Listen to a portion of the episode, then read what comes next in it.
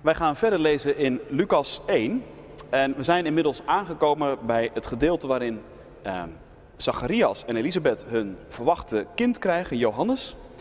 En daarop volgt dus, ik zei het net al, een lied dat Zacharias schrijft, maakt, ingegeven krijgt door de Heilige Geest.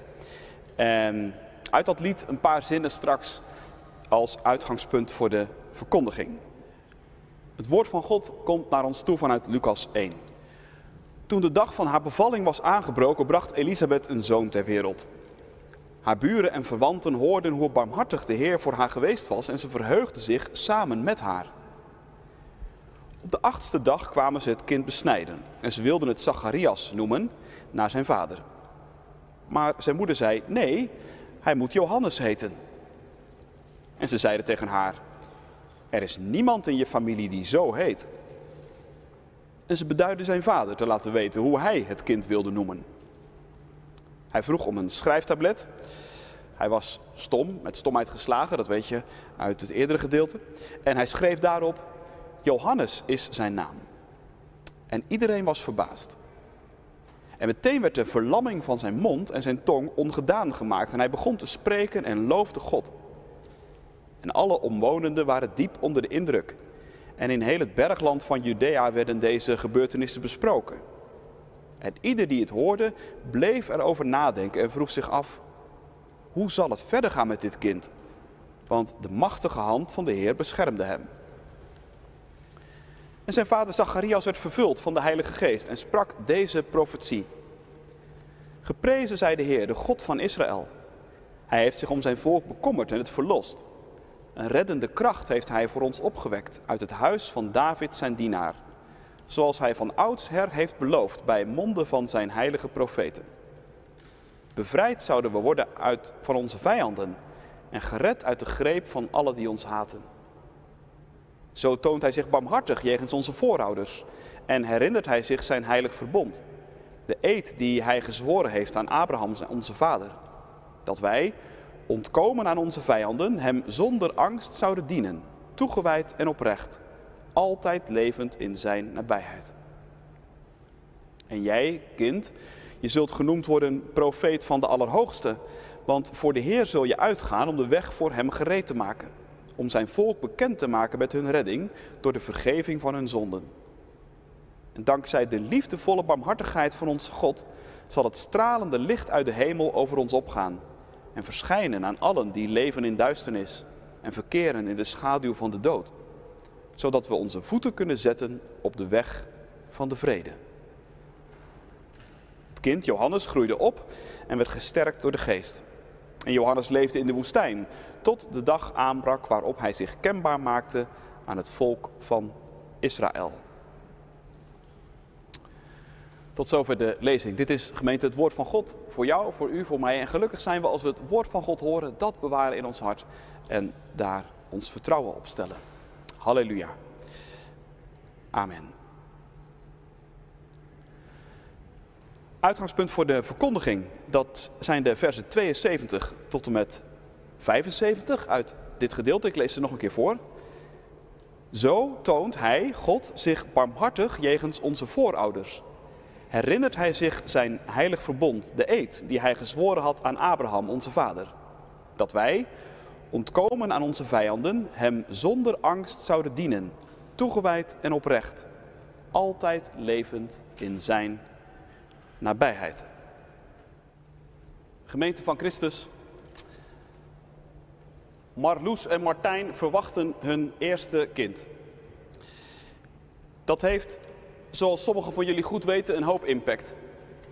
Er moet een kamertje in orde worden gemaakt, er moeten spullen worden aangeschaft en er moeten namen worden bedacht. Op de bank nemen ze samen hele lijsten door en de ene na de andere naam wordt afgevoerd.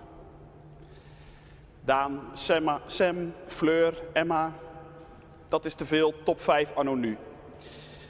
Wim, Jan, nee, dat is te klassiek. Diana, Irene, te veel jaren 90. Vaas, Vito, Brand, te hip. Ze komen er niet uit. Maar er komt nog iets bij. Martijn wil vernoemen, maar Loes niet. Het is toch ons kind, zegt ze. Hoe dat moet heten, dat bepalen wij. Daar heeft een ander toch niks mee te maken. Dat vernoemen, ik vind het maar een beetje verstikkend, eerlijk gezegd. Ik wil een naam die past bij ons kind. Maar Martijn is nog niet overtuigd. Past bij ons kind, zegt hij, dat kun je helemaal niet weten. Je, weet nog helemaal niet hoe ons kind zal zijn. Als wij zo kiezen, dan zegt dat in feite meer over ons dan over ons kind. Als je een stoere naam kiest, dan hoop je blijkbaar op een stoere jongen. En bovendien is het kind eigenlijk wel alleen van ons. Het komt toch ook uit een familie. Het heeft niet alleen ons als ouders, maar het heeft ook opa's, het heeft oma's, het heeft ooms en tantes. En het is met allerlei draden verbonden aan zijn geboortegrond en aan zijn voorgeslacht. Dat komt voor mij allemaal mee in vernoemen en ik vind dat juist heel mooi. Nou, dat laatste, dat vinden de buren van Zacharias en Elisabeth ook. Acht dagen nadat Johannes geboren is, dan komen ze langs voor het Joodse besnijdenisritueel. En traditioneel is dat ook het moment waarop de naam van het kind voor het eerst in het openbaar klinkt. Nou, verrassend zal dat moment niet zijn, want de buren weten het al lang. Dit kind zal Zacharias heten, net als zijn vader en misschien wel net als zijn opa en net als zijn overgrootopa. Zo hoort dat. Een kind is geen losse zwerfsteen, maar het is met duizend draadjes verbonden aan anderen. En vandaar dat het Zacharias zal heten, naar zijn vader. Maar Elisabeth zegt nee, hij gaat Johannes heten. Nou, dat roept een heleboel verbazing op. Er is niemand in je familie die zo heet, zeggen de buren. Je moet je echt vergissen. Ze willen het oordeel van de vader horen. Ze denken natuurlijk, die geeft ons direct gelijk. De moeder zit ernaast, maar nee, de buren hebben het mis. Zacharias bevestigt wat Elisabeth ook al zei. Onze baby zal Johannes heten. Waarom? Waarom breken Zacharias en Elisabeth met de traditie? Zijn ze het ook zat dat anderen bepalen hoe hun kind zal heten en willen ze authentiek zijn en een statement maken? Hebben ze heel lang gezocht naar een naam die bij dit kind past of vinden ze het gewoon zelf mooi? Nee, ik denk van niet. Dat soort overwegingen waren mensen in die tijd totaal vreemd. De baby zou gewoon zonder enig aarzelen Zacharias hebben geheten. Waren het niet dat, waren het niet dat er een hemelse boodschapper kwam en die besliste anders? Je vrouw zal een zoon krijgen, Zacharias, en je moet hem Johannes noemen. Dat had de engel gezegd.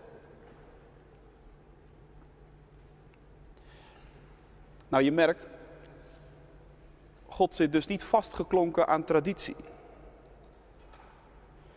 Maar hij breekt er ook niet zomaar klakkeloos mee. Johannes mag inderdaad niet heten zoals zijn vader. En dat is heel duidelijk en heel bewust. Maar niet omdat Johannes nou zo'n hyper uniek individu zou zijn. Maar wel omdat God iets gaat doen in deze baby. En Johannes staat dus wel degelijk in een groter verband. Hij is met allerlei draden verbonden aan anderen. En dat verband is nog veel groter dan je zou denken. En dat kom je op het spoor als je het lied tot je door laat dringen dat Zacharias maakt ter gelegenheid van de geboorte van zijn zoon. Eén ding klinkt daar heel, heel duidelijk in door. Dat Johannes niet zomaar Johannes de zoon van Zacharias en Elisabeth is. Onderdeel van de familie van Zacharias. Voorbestemd om hetzelfde werk te gaan doen als zijn vader. En waarschijnlijk zijn dagen zal slijten in het bergland van Judea. Met af en toe een tripje Jeruzalem als uitstapje. Nee, Johannes is het kind in wie God zijn genade laat zien. En dat betekent ook zijn naam. God is genadig. En het verband, het grotere geheel waarin Johannes staat, dat gaat helemaal terug tot Abraham. De grote voorvader van Israël. Tegen wie God had gezegd: Met jou maak ik een nieuw begin. Ik zal je zegenen. Je nakomelingen zullen gezegend worden. En via jou zal ik zelfs alle volken van de aarde zegenen. Johannes is dus niet alleen maar een cadeautje voor zijn vader en zijn moeder, die er lang op gewacht hebben. Hij is ook niet alleen maar een cadeautje voor zijn familie. Nee, Johannes is in feite een cadeau voor ons allemaal. Want in hem zet God een nieuwe beslissende stap op weg naar de toekomst. Een stap die weliswaar heel klein en heel onooglijk lijkt. Het begint zomaar in het gezin van twee oude mensen in een uithoekje van de wereld. Het is allemaal weinig spectaculair. Maar onderschat het niet. God begint heel vaak heel klein. Maar zijn bedoelingen zijn altijd groot. Zijn toekomst omvat de hele wereld en alle volken en de hele schepping. En elke keer als je in de kerk bent en er wordt gedoopt, dan zie je dat voor je ogen gebeuren. Ook vandaag dus, toen Seth en Moos en Abel en Lauren hier werden binnengedragen. We zagen gebeuren dat het lied van Zacharias voor onze ogen gewoon waar werd. Dat God zijn barmhartigheid liet zien. En dat hij zich zijn verbond herinnert. En dat hij bezig is om ook ons en onze kinderen zijn toekomst in te trekken. Je kind hoeft niet op te groeien als een zwerfsteentje dat zijn eigen levensverhaal moet schrijven. Dat authentiek en uniek moet zijn om daarna ergens halverwege de rit of nog eerder te worden vermalen onder prestatiedruk.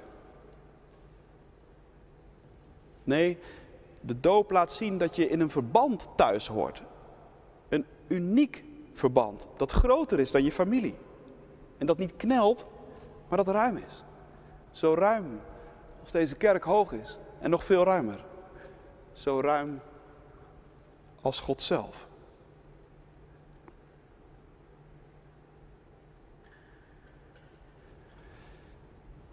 In het vervolg van zijn lied kleurt Zacharias dat nog wat verder in. Want als het nou over die toekomst van God gaat, waar is God dan precies op uit? Wat wil hij? Wat wil hij met zijn volk Israël? Wat wil hij met ons? Wat wil hij met jullie en met jullie kinderen? Zacharias zegt het zo. God wil dat wij ontkomen aan onze vijanden, Hem zonder angst zouden dienen. Toegewijd en oprecht altijd levend in zijn nabijheid. Nou, dat laatste, dat klinkt natuurlijk meteen goed. Toegewijd, oprecht, leven in zijn nabijheid en dat ook nog een keer zonder angst. Maar zeg je dat eerste? Ontkomen aan onze vijanden ik, ik heb helemaal geen vijanden, dus wat moet ik daar nou toch weer van maken? Nou ja, dat is inderdaad een opvallend zinnetje. En ik had het natuurlijk ook gewoon maar even tussen haakjes kunnen zetten en het er niet over hebben, maar dat kan eigenlijk niet, want het is niet zomaar een verschrijving van Zacharias. Die vijanden worden niet één, maar wel een paar keer genoemd in dit lied. Het is echt een groot thema. Dus waar zou Zacharias aan gedacht hebben? Nou, ik denk in de eerste plaats aan hele concrete vijanden. Het volk van God is in de Bijbel nooit zonder vijanden. Egypte, Babel, Assyrië, dat zijn in het geheugen van Zacharias geen namen uit een vakantiegids. Het zijn namen die klinken donker. En die hebben in de loop van de geschiedenis hun schaduw over Israël heen geworpen. Klinkt een beetje als Mordor. Dat soort gebied. En wat zijn eigen tijd betreft, heeft Zacharias natuurlijk aan de Romeinen gedacht, want die maakten op dat moment dienst uit in Israël.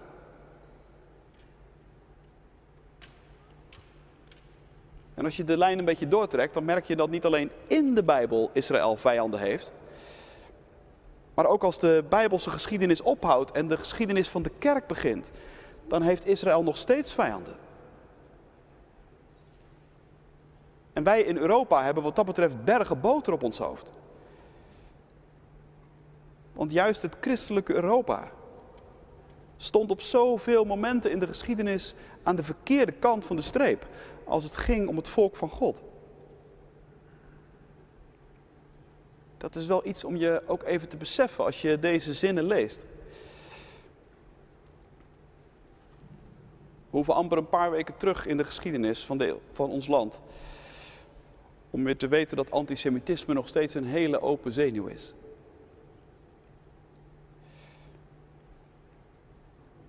Nu, dat moet je dus bedenken voordat je dit lied met Zacharias gaat meezingen. En voordat je je gaat afvragen wie dan misschien onze vijanden zouden kunnen zijn. En misschien zei je net al, ik, ik heb helemaal geen vijanden en dat wil ik eigenlijk liever maar zo houden ook. Nou, dat lijkt me ook een heel goed ding. Hou voor zover het van jou afhangt vrede met alle mensen, zegt Paulus ergens. En dat is al moeilijk genoeg. Maar misschien heeft dit zinnetje toch ook nog een andere kant. Probeer even met me mee te denken. Ik zei net, het volk van God heeft altijd vijanden gehad. En waarom, vraag je je af. Ja, omdat Israël anders was dan alle andere volken. En dat konden die volken heel vaak niet hebben. En bij die andere volken, daar horen wij ook bij. Maar nu het punt. Met dat we dat doen. Met dat we ons tegen het volk van God keren. En nogmaals, de geschiedenis wijst uit dat dat echt niet iets is van lang geleden. Het kan zomaar weer gebeuren. Maar met dat we dat doen, zagen we aan de tak waar we op zitten. Want dat verbond, dat verbond met Abraham, waar Zacharias over zingt, dat, daar moeten wij het ook van hebben. En van die barmhartigheid van de God van Israël. Daar leven wij van, dag in, dag uit.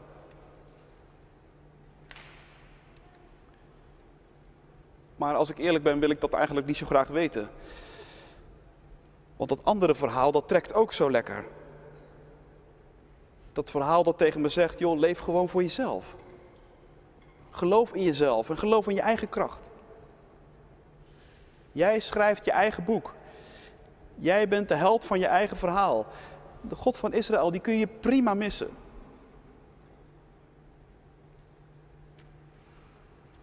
Maar iets in me zegt ook. Als je dat verhaal gelooft. En als je je tegen de God van Israël keert. Dan keer je je uiteindelijk vroeg of laat ook tegen jezelf. En dan zul je merken dat je inderdaad vijanden hebt. En dat de grootste vijand van binnen zit.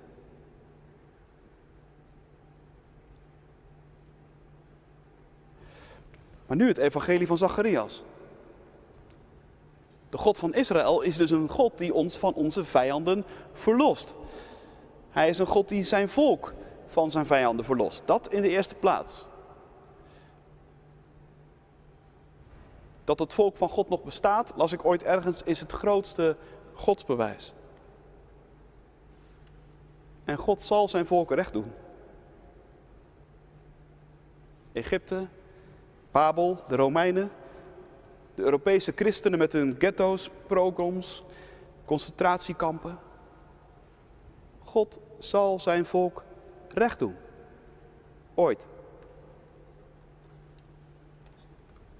En God zal dan ook ons, zijn volk Israël en ons, zijn gemeente, verlossen. Verlossen van onze grootste vijand.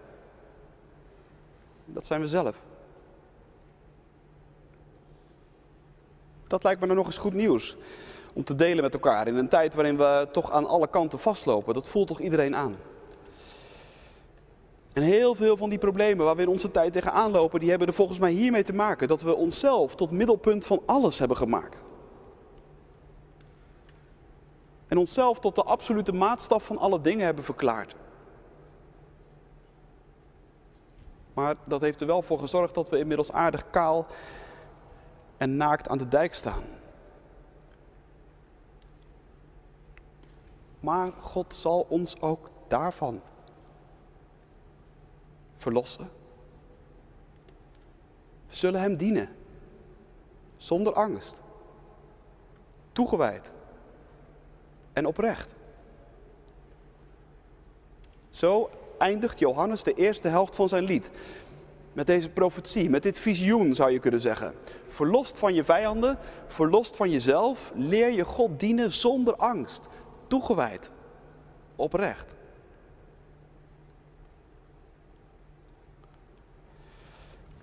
Over dat woord toewijding, tot slot, hadden wij afgelopen woensdag in de voorbereiding van deze dienst een boeiend gesprek. Leven als een gedoopt mens, zei ik, dat is een toegewijd leven leiden. Maar wat is nou eigenlijk toewijding? En we merkten dat we al heel snel de neiging hebben om dat als een soort doe-woord te zien. Een woord dat je kunt meten, dat je kunt afvinken. Een toegewijd mens, dat is iemand die veel doet voor de goede zaak. En wie het meeste doet, natuurlijk, dat is dan degene die het meest toegewijd is. Je ziet de competitie al beginnen. Maar al pratend kwamen we erop dat dat toch eigenlijk heel misleidend is. En ik vond het dan ook zo mooi om te ontdekken dat dat woord toewijding bij Zacharias tussen twee andere woorden in staat. Aan de ene kant staat zonder angst en aan de andere kant staat oprecht. En die twee die kleuren samen wat toewijding is. Toegewijd leven is oprecht en zonder angst God dienen. Omdat God ons van onze angst verlost.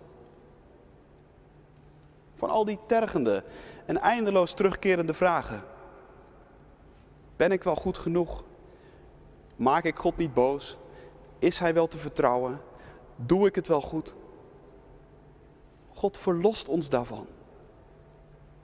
Geen paniek dus. Geen angst over wat ons nog allemaal verder zou kunnen overkomen in onze levens. Maar oefenen in rust en kalmte. Toewijding aan God en aan je naaste. Zonder je steeds maar druk te maken om je eigen hachje. Dat is toegewijd leven. Leven vanuit de doop. Want wij zijn immers verlost van onze vijanden. Zelfs van de allerergste. Onszelf en ons ongeloof. We zijn van Jezus. En we mogen leven voor zijn aangezicht. In dat grote, unieke verband dat zijn verbond heet. Alle dagen van ons leven. Tot hij terugkomt. Amen.